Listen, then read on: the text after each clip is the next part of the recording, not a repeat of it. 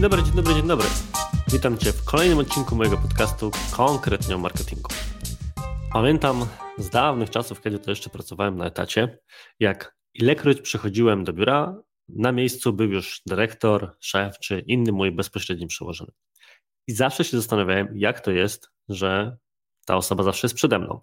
I z czasem, im bardziej wspinałem się po szczeblach kariery zawodowej, tym bardziej zauważałem i zaczynałem rozumieć, z czego to wynika, bo sam zacząłem przychodzić dokładnie tak samo. Z prostego powodu, żeby zrobić jak najwięcej pracy, zanim zacznę pracę. Jest to pewien głupi paradoks, który być może ty też znasz albo kojarzysz z rozmów z różnymi znajomymi ze środowisk biznesowych, że wiele osób albo zostaje po wyznaczonych godzinach pracy w biurze, albo przychodzi sporo przed, żeby zdążyć zrobić jak najwięcej, zanim ktokolwiek zacznie im przeszkadzać. Właśnie dlatego dzisiejszy odcinek postanowiłem poświęcić zagadnieniu komunikacji asynchronicznej, czyli rozwiązaniu, które docelowo może Ci pomóc znaleźć troszkę więcej czasu na pracę w czasie, czyli w godzinach do tego przeznaczonych. Zaczynajmy.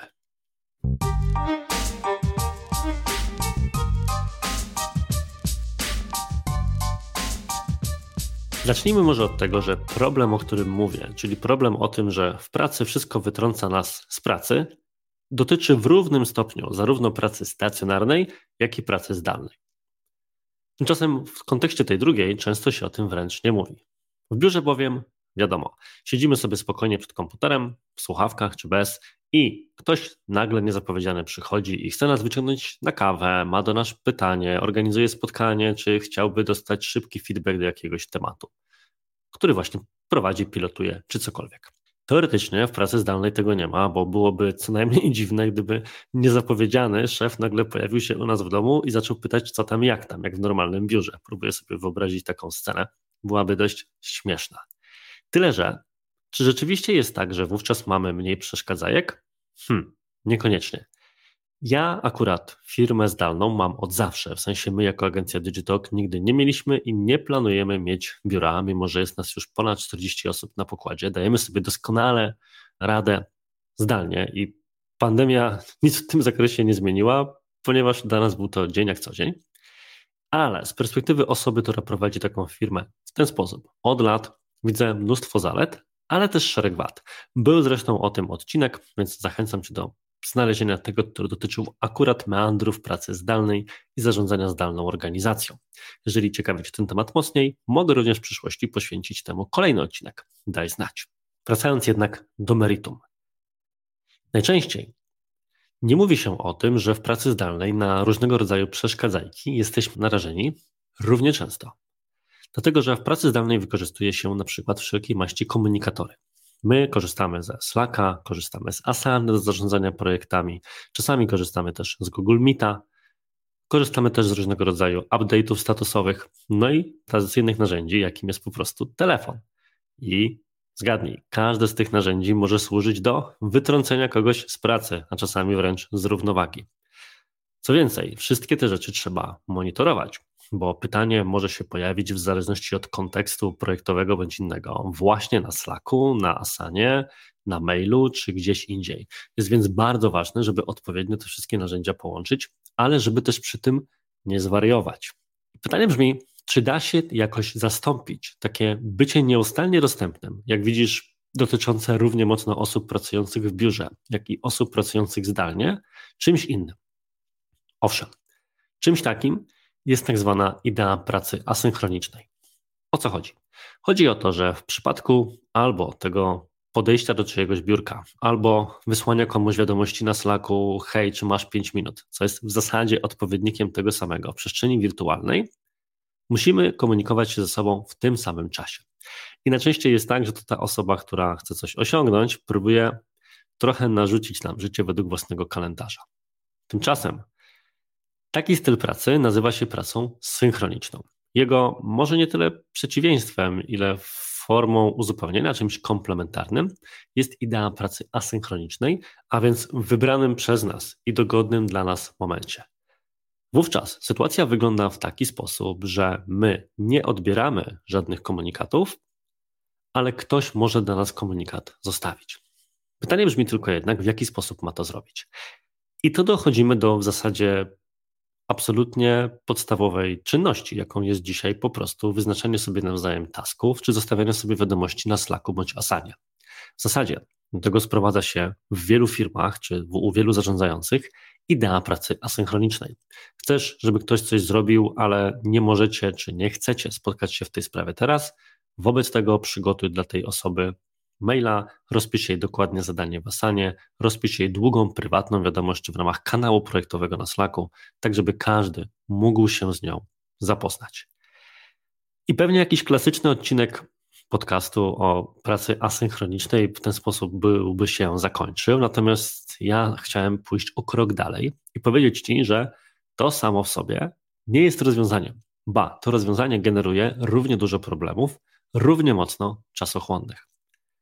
Okazuje się bowiem, że co zajmie równie dużo Twojego roboczo czasu, jeżeli tak moglibyśmy to określić, ile zajęłoby samo spotkanie? Przygotowywanie notatki, która ma te spotkanie zastąpić. Umówmy się, są rzeczy, których nie da się załatwić w 5 minut i wytłumaczyć komuś, czy napisać w 5 minut. Tworzy się więc obszerny dokument w Google Docsie. Pisze się bardzo długi i dokładny mail. Tworzy się bardzo szeroki, obszerny komentarz na asanie do zadania i tak dalej, i tak dalej. I okazuje się, że w sumie, co prawda dobrze oczywiście, że mamy taką notatkę przygotowaną, jest jakiś ślad po spotkaniu, które się nie odbyło, a mogło, Natomiast mimo wszystko nie oszczędziliśmy w tym momencie czasu.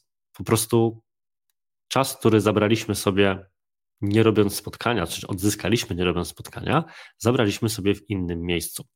Więc jest to zastąpienie jednego narzędzia innym, równie czasochłonnym, być może nie wytrącającym ze skupienia. I to jest ta podstawowa, oczywiście, zasada takiego stylu pracy, ale czy możemy zrobić coś, żeby jednak przy okazji poza tą asynchronicznością i utrzymaniem skupienia. Odzyskać jeszcze trochę czasu? Tak, pod warunkiem, że weźmiesz pod uwagę delegowanie, komentowanie, opisywanie tego typu rzeczy, uwaga, uwaga, w formie wideo. Tak właśnie. I prawdopodobnie z wielu z Was w tym momencie myśli, jeju, jak to w formie wideo, ale czym, ale jak, ale czym mam tutaj być widoczny, tym podobne. Nic z tych rzeczy. Zacznijmy od powiedzenia sobie, jak takie wideo miałoby wyglądać. Takie wideo miałoby być po prostu prostym nagraniem ekranu, na którym tłumaczysz komuś, co chcesz, żeby zrobił, przeprowadzając go na przykład przez jakiś zarys dokumentu, być może mapę myśli, być może moodboard, zależnie od tego, w jakiego rodzaju organizacji pracujesz.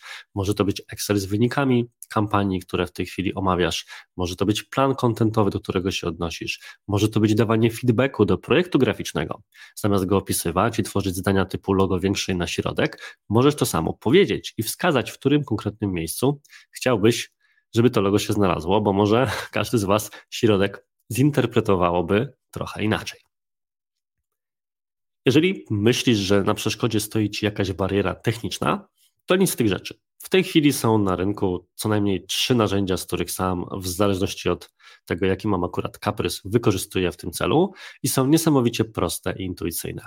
Tymi narzędziami są Dropbox Capture, drugim narzędziem jest Loom, a trzecim, idealnym dla makowców, bo przy okazji darmowym w tym środowisku, QuickTime Player, który również na coś takiego pozwala.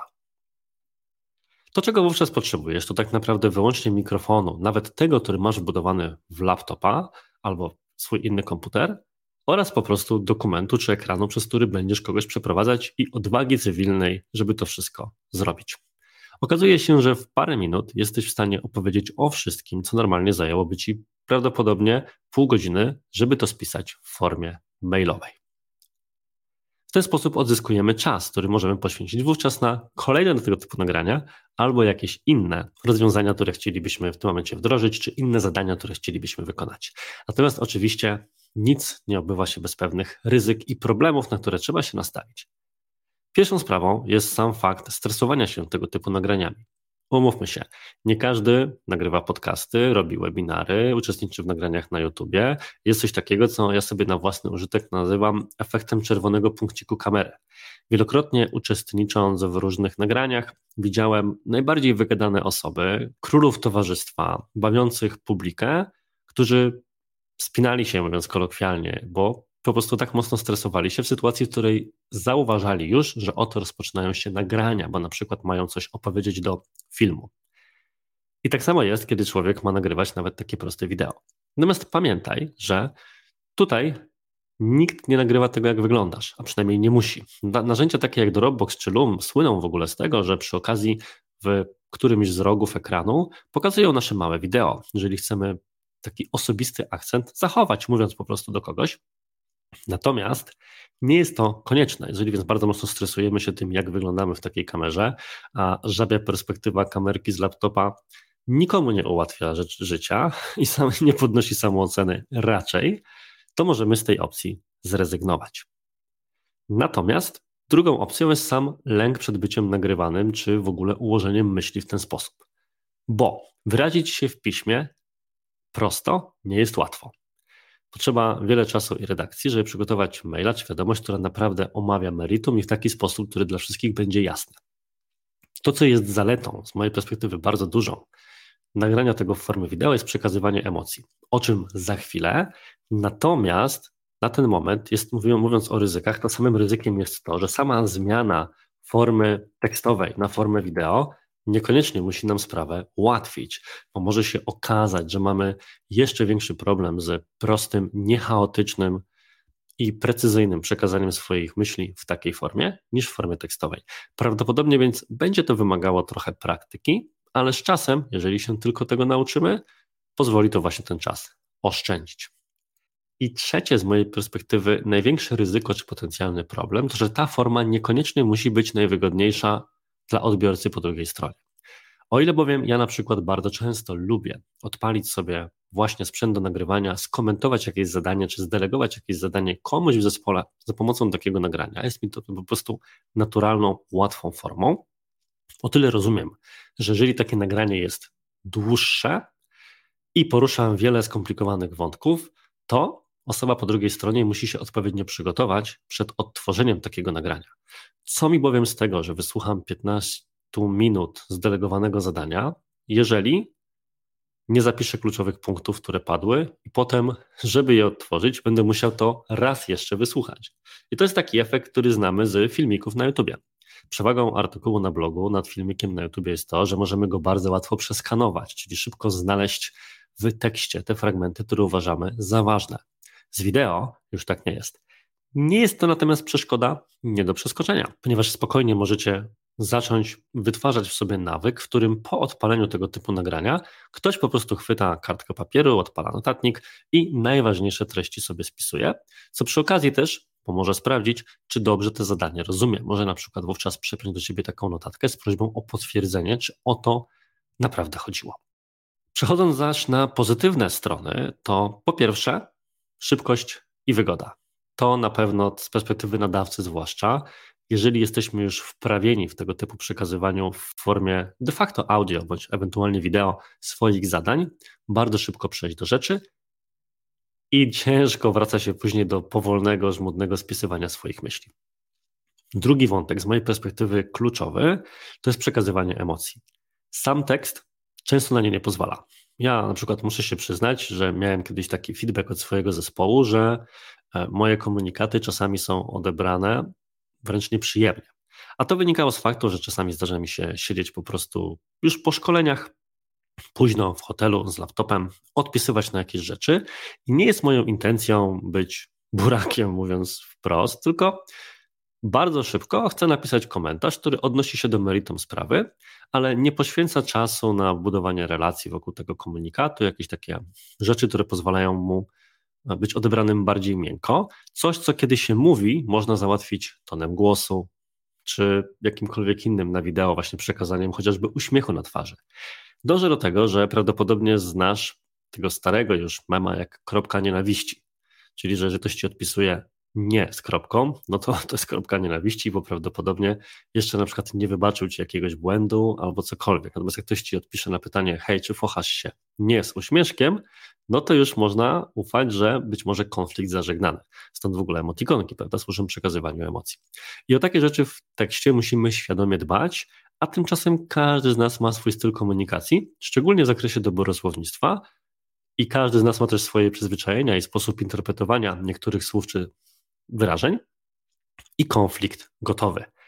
A przy komunikacji asynchronicznej nie jesteśmy w stanie tego błyskawicznie wyjaśnić, dopytać, co poeta miał na myśli, więc to może bardzo szybko eskalować, chociażby z pośpiechu czy braku skupienia. Dużo łatwiej jest załatwić ten problem i przy okazji budować też przywiązanie ducha zespołu, kiedy robimy to w ten sposób. Dla nas zawsze sposobem właśnie na obejście tego była taka prosta reguła, którą stosujemy się na Slacku, że jeżeli cokolwiek wymaga więcej niż 5 minut pisania, nie pisz, zadzwoń albo umów szybką wideokonferencję. Przy pracy zdalnej jest to zdecydowanie kluczowe, ponieważ przy okazji pozwala zobaczyć żywego człowieka po drugiej stronie. No ale nie zawsze jest czas na kola. Dlatego jeżeli coś zajmuje dłużej niż 5 minut, to nagraj komuś wideo, które pomoże tę sprawę wyjaśnić. I przy okazji pokażesz się też od tej emocjonalnej strony, a nie tylko jako alias w mailu czy w innym narzędziu. Co z kolei prowadzi nas do podsumowującego wątku, że narzędzia to nie wszystko. Bardzo szybko możemy zainstalować Luma, Dropbox Capture czy QuickTime Playera, odpalić nagrywanie i ruszać. Natomiast przede wszystkim chodzi o to, żeby wyrobić w zespole dobre praktyki. Pierwszą dobrą praktyką takie nagrania też nie mogą być długie. Nikt nie będzie odtwarzał sobie półgodzinnego nagrania, bo to równie dobrze mogę obejrzeć odcinek serialu po pracy, który tyle samo zajmie. Więc zakładam, że jeżeli sprawa jest aż tak skomplikowana, to i tak będzie wymagała dokładnego opisania, rozpisania wątków i ewentualnie takie nagrania mogą pełnić funkcję uzupełniającą. Możemy mieć więc krótką agendę, czy listę punktów najważniejszych, a do każdego z nich komentarz w formie wideo. Dobrze byłoby trzymać takie wideo, myślę, maksymalnie 15-minutowe, a nawet 5-10 minutowe. Co się dobrze składa, ponieważ darmowa wersja Luma i Dropboxa pozwala właśnie, Dropbox Capture oczywiście, pozwala właśnie na takie 5-minutowe nagrywki. Druga sprawa to, że samo wprowadzenie tej formy nie załatwia wszystkich innych problemów, które mogą być z pracą asynchroniczną, czyli na przykład tego, że ktoś może nagrać takie wideo, wysłać je nam i pytać o feedback, więc to trochę, trochę się w tym momencie kłóci z założeniem. Więc poza oczywiście wprowadzeniem tychże nagrań, zastanów się również nad innymi usprawnieniami. U nas na przykład jest jedna z takich w sumie chyba już pisanych zasad, że do team liderów po godzinie na przykład 12, w takim okienku 12-14, e, zasadniczo poza ważnymi sprawami nie piszemy, bo to jest ten okres, w którym ktoś poświęca na pracę głęboką nad zadaniami związanymi z zmianą w samej organizacji, a nie bezpośrednim zarządzaniem. Innym przykładem jest na przykład to, że jeżeli nie chcesz, żeby ktoś w danym momencie do ciebie pisał, bo jesteś niedostępny, właśnie rozpoczynasz swój taki okres skupionej pracy, tak zwanej pracy głębokiej, to możesz na przykład ustawić sobie stosowną ikonkę na Slacku. I jeżeli cała firma przyjmie sobie taki zestaw emotek, które, czy ikonek, czy statusów na Slacku, które ustawia się, kiedy nie należy nam przeszkadzać, to znaczy, że, uwaga, uwaga, nie należy nam przeszkadzać. Jest więc też taka cała higiena pracy zdalnej z tym związana, moim zdaniem zbyt rzadko poruszana we wszystkich artykułach czy materiałach, które tak hurra optymistycznie do tego tematu podchodzą.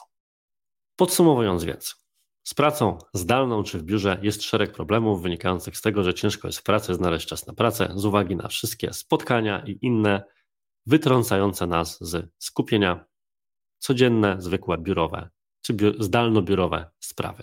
Żeby temu zapobiec, czy żeby z tym problemem sobie poradzić, jest cały szereg rozwiązań, przede wszystkim poczynając od po prostu umówienia się w organizacji na jakieś rzeczy, które możemy wdrożyć. A jedną z nich, którą najmocniej Ci polecam, bo daje bardzo duży zwrot z inwestycji czasowej w krótkiej perspektywie, jest właśnie przejście z komunikatów tekstowych przy dłuższych rzeczach albo wymagających dokładniejszego omówienia na formę wideo. Przede wszystkim z uwagi na nie tylko precyzję wyrażania myśli czy oszczędność czasu, ale przy okazji również kontakt z czyimś głosem, emocjami, mimiką twarzy i wszystkim, co za tym stoi.